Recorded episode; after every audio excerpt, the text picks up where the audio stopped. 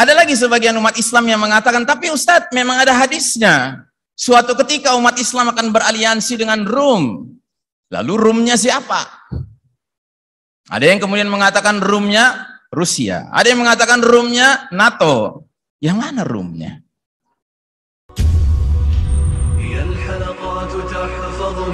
بآيات من القرآن هي الحلقات تملأني بحب المصطفى العدنان إن الحمد لله نحمده ونستعينه ونستغفره ونعوذ بالله من شرور أنفسنا ومن سيئات أعمالنا من يهده الله فلا مذل له ومن يضلله فلن تجد له وليا مرشدا أشهد أن لا إله إلا الله وحده لا شريك له وأشهد أن محمدا عبده ورسوله لا نبي بعده. اللهم صل على محمد وعلى آله وأصحابه وأنصاره وجنوده ومن تبعهم بإحسان إلى يوم الدين. فيا عباد الله أوصيكم وإياي بتقوى الله فقد فاز المتقون. وقال الله تعالى في كتابه الكريم بعد أعوذ بالله من الشيطان الرجيم يا أيها الذين آمنوا اتقوا الله حق تقاته ولا تموتن إلا وأنتم مسلمون. وقال تعالى في آية أخرى وإذا قرأت القرآن جعلنا بينك وبين الذين لا يؤمنون بالآخرة حجابا مستورا. أما بعد. Sidang Jumat rahimakumullah. Bagi kaum muslimin yang memiliki kepedulian terhadap jatuh bangunnya kondisi umat ini. Tanggal 3 Maret bukan tanggal biasa.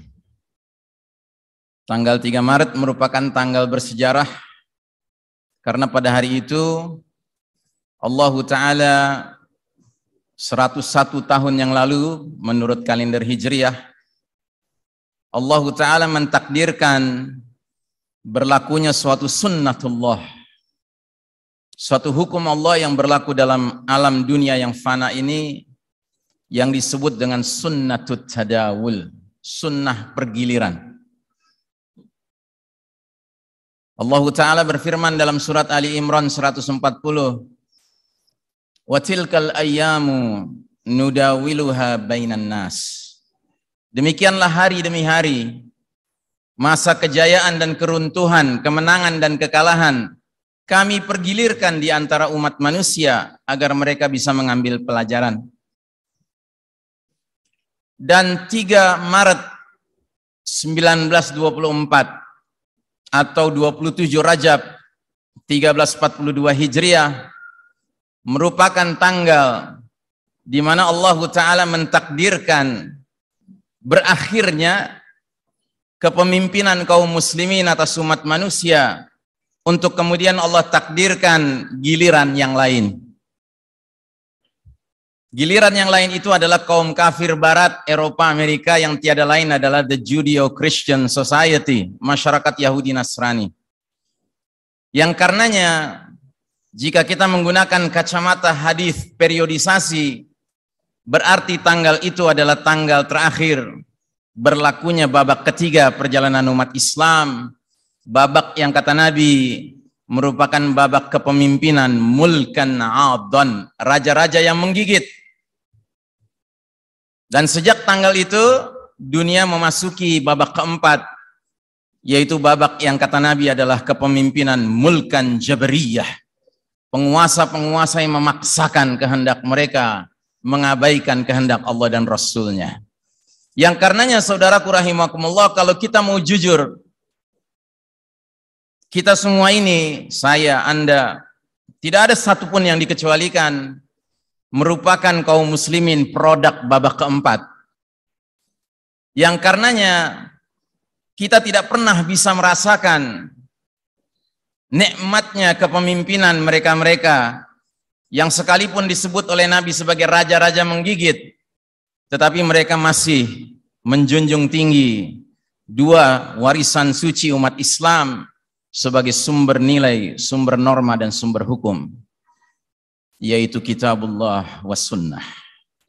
Namun setelah tahun 1924 Masehi 1342 Hijriah Allah Ta'ala mentakdirkan ujian berat bagi umat Islam karena kemudian dunia ini makin hari dengan cepatnya dipimpin oleh Yahudi Nasrani bersamaan dengan itu Allah bukakan pintu-pintu dunia pula untuk mereka kecanggihan sains dan teknologi mereka kuasai sehingga akhirnya semakin hari kita semakin merasakan kebenaran nubuah nabi kita di mana yang memimpin memang benar-benar para penguasa-penguasa Jabriyah yang memaksakan kehendak mereka.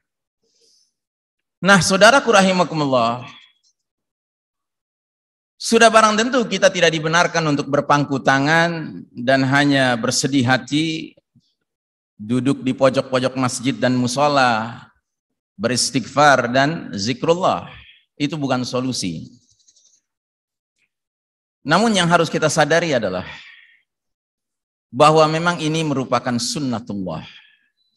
Ini adalah kehendak Allah Ta'ala yang karenanya kita harus ridho dengan keputusan Allah. Dan itu bukan berarti kita ridho dengan kepemimpinan Yahudi Nasrani. Demi Allah, tidak. Karena Allah Ta'ala yang berhak menentukan siapa yang memimpin di muka bumi ini. Allah sudah menyatakan dalam surat Ali Imran 26. Qulillahumma malikal mulki tu'til mulka man tasha' wa tanzi'ul mulka mimman tasha' Katakanlah, wahai Allah pemilik segenap kerajaan, kekuasaan, Kau berikan kekuasaan siapa yang kau kehendaki, kau cabut kekuasaan dari siapa yang kau kehendaki. 1342 tahun umat Islam memimpin dunia ini. Allah Ta'ala kemudian mentakdirkan enough is enough. Cukup sudah umat Islam memimpin dunia. Sekarang giliran yang lain. Allah ingin melihat bagaimana sikap kita ketika yang lain memimpin dunia ini. Adakah kita tetap istiqamah? Berpegang teguh kepada kitabullah wa sunnah sekalipun tidak dipimpin oleh mereka-mereka yang secara jujur mengumumkan hal itu. Ataukah kita menjadi para pecundang yang menggunakan kaedah if you can't beat them you join them. Kalau anda tidak bisa mengalahkan mereka anda gabung saja dengan mereka. Sehingga akhirnya bermunculanlah kaum muslimin hari ini yang tetap mengaku muslim tapi sayang beribu sayang. Kepercayaannya kepada berbagai faham-faham buatan Yahudi Nasrani begitu tingginya dan tidak kunjung barok berlepas diri dari faham-faham itu.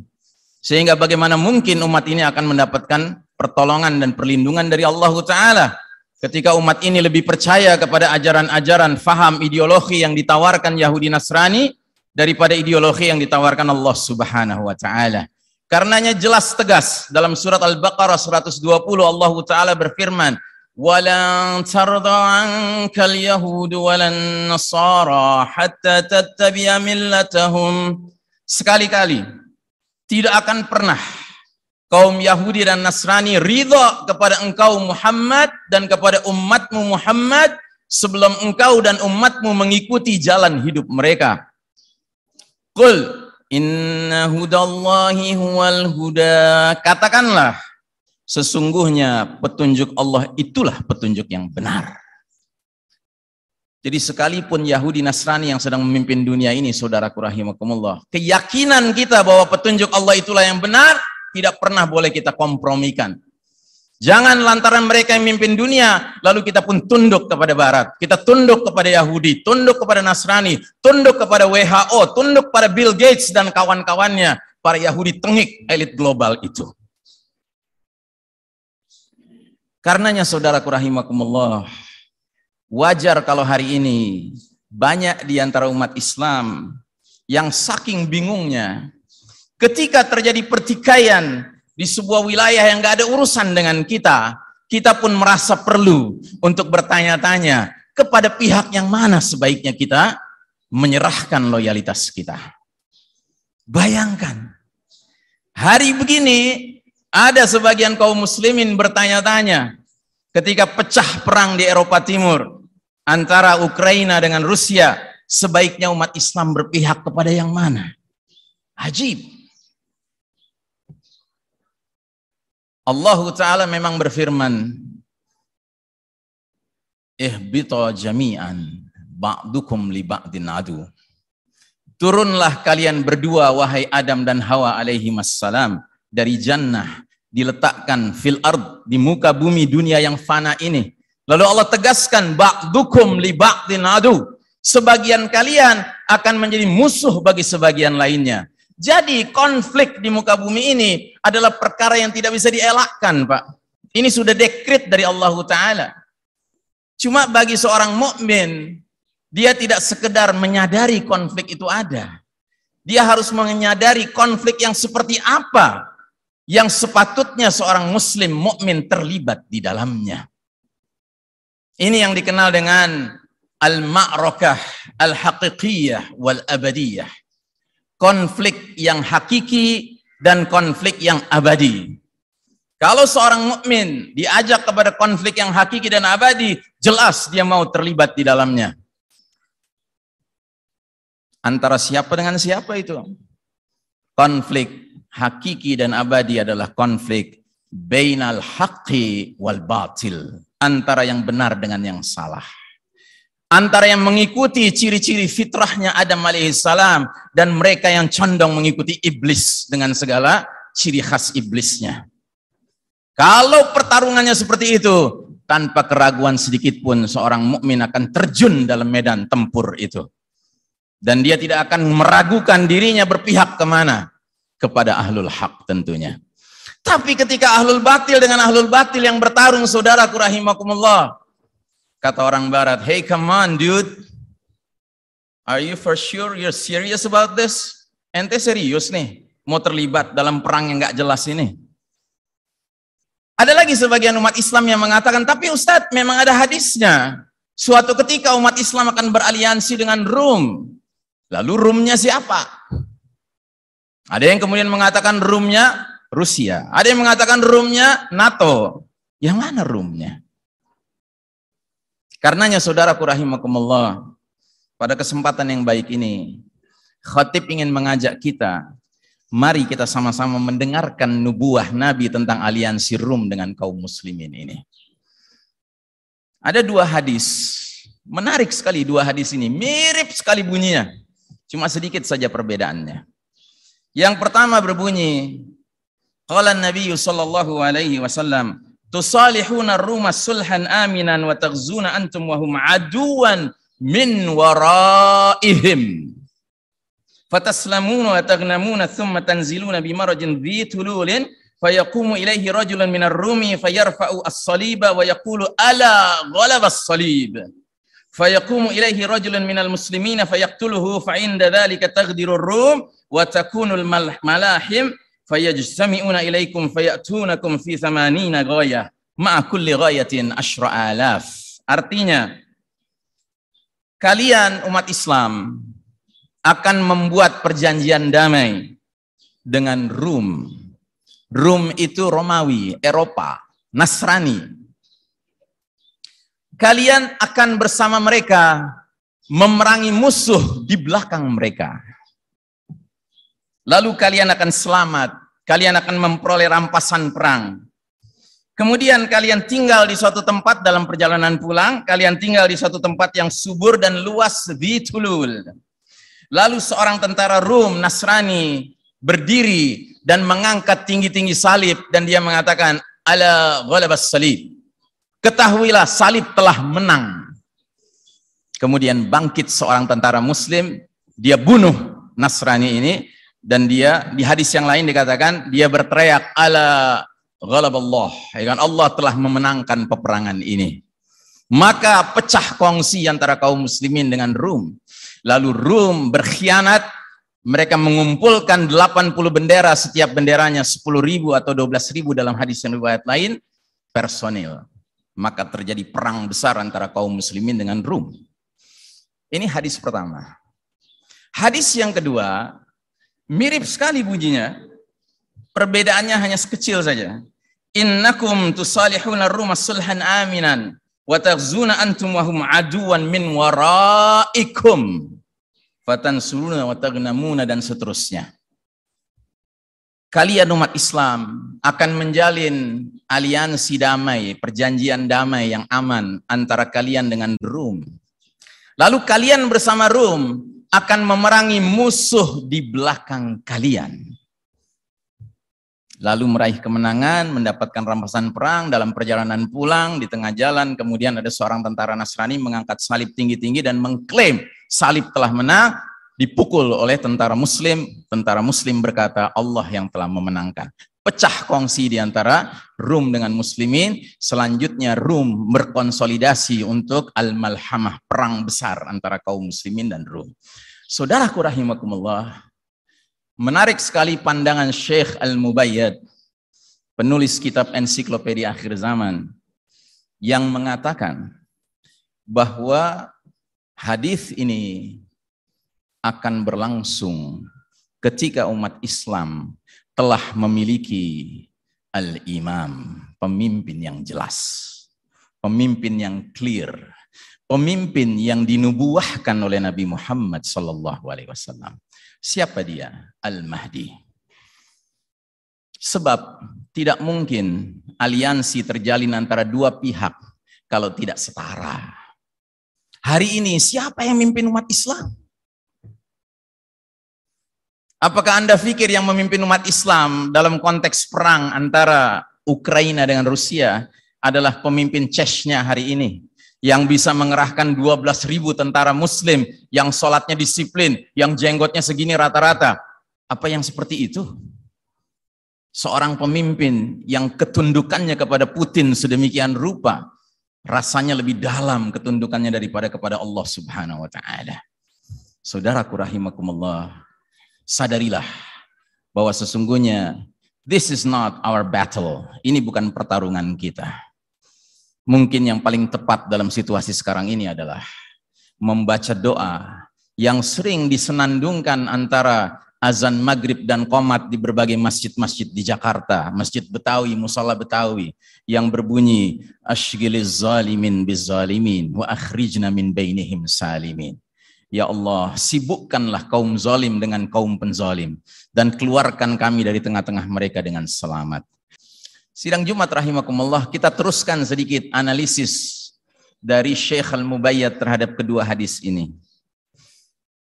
Pertanyaan, mengapa setelah koalisi aliansi muslimin Rum memenangkan peperangan melawan common enemy, musuh bersama, yang satu musuh di belakang Rum, yang satu musuh di belakang kaum muslimin.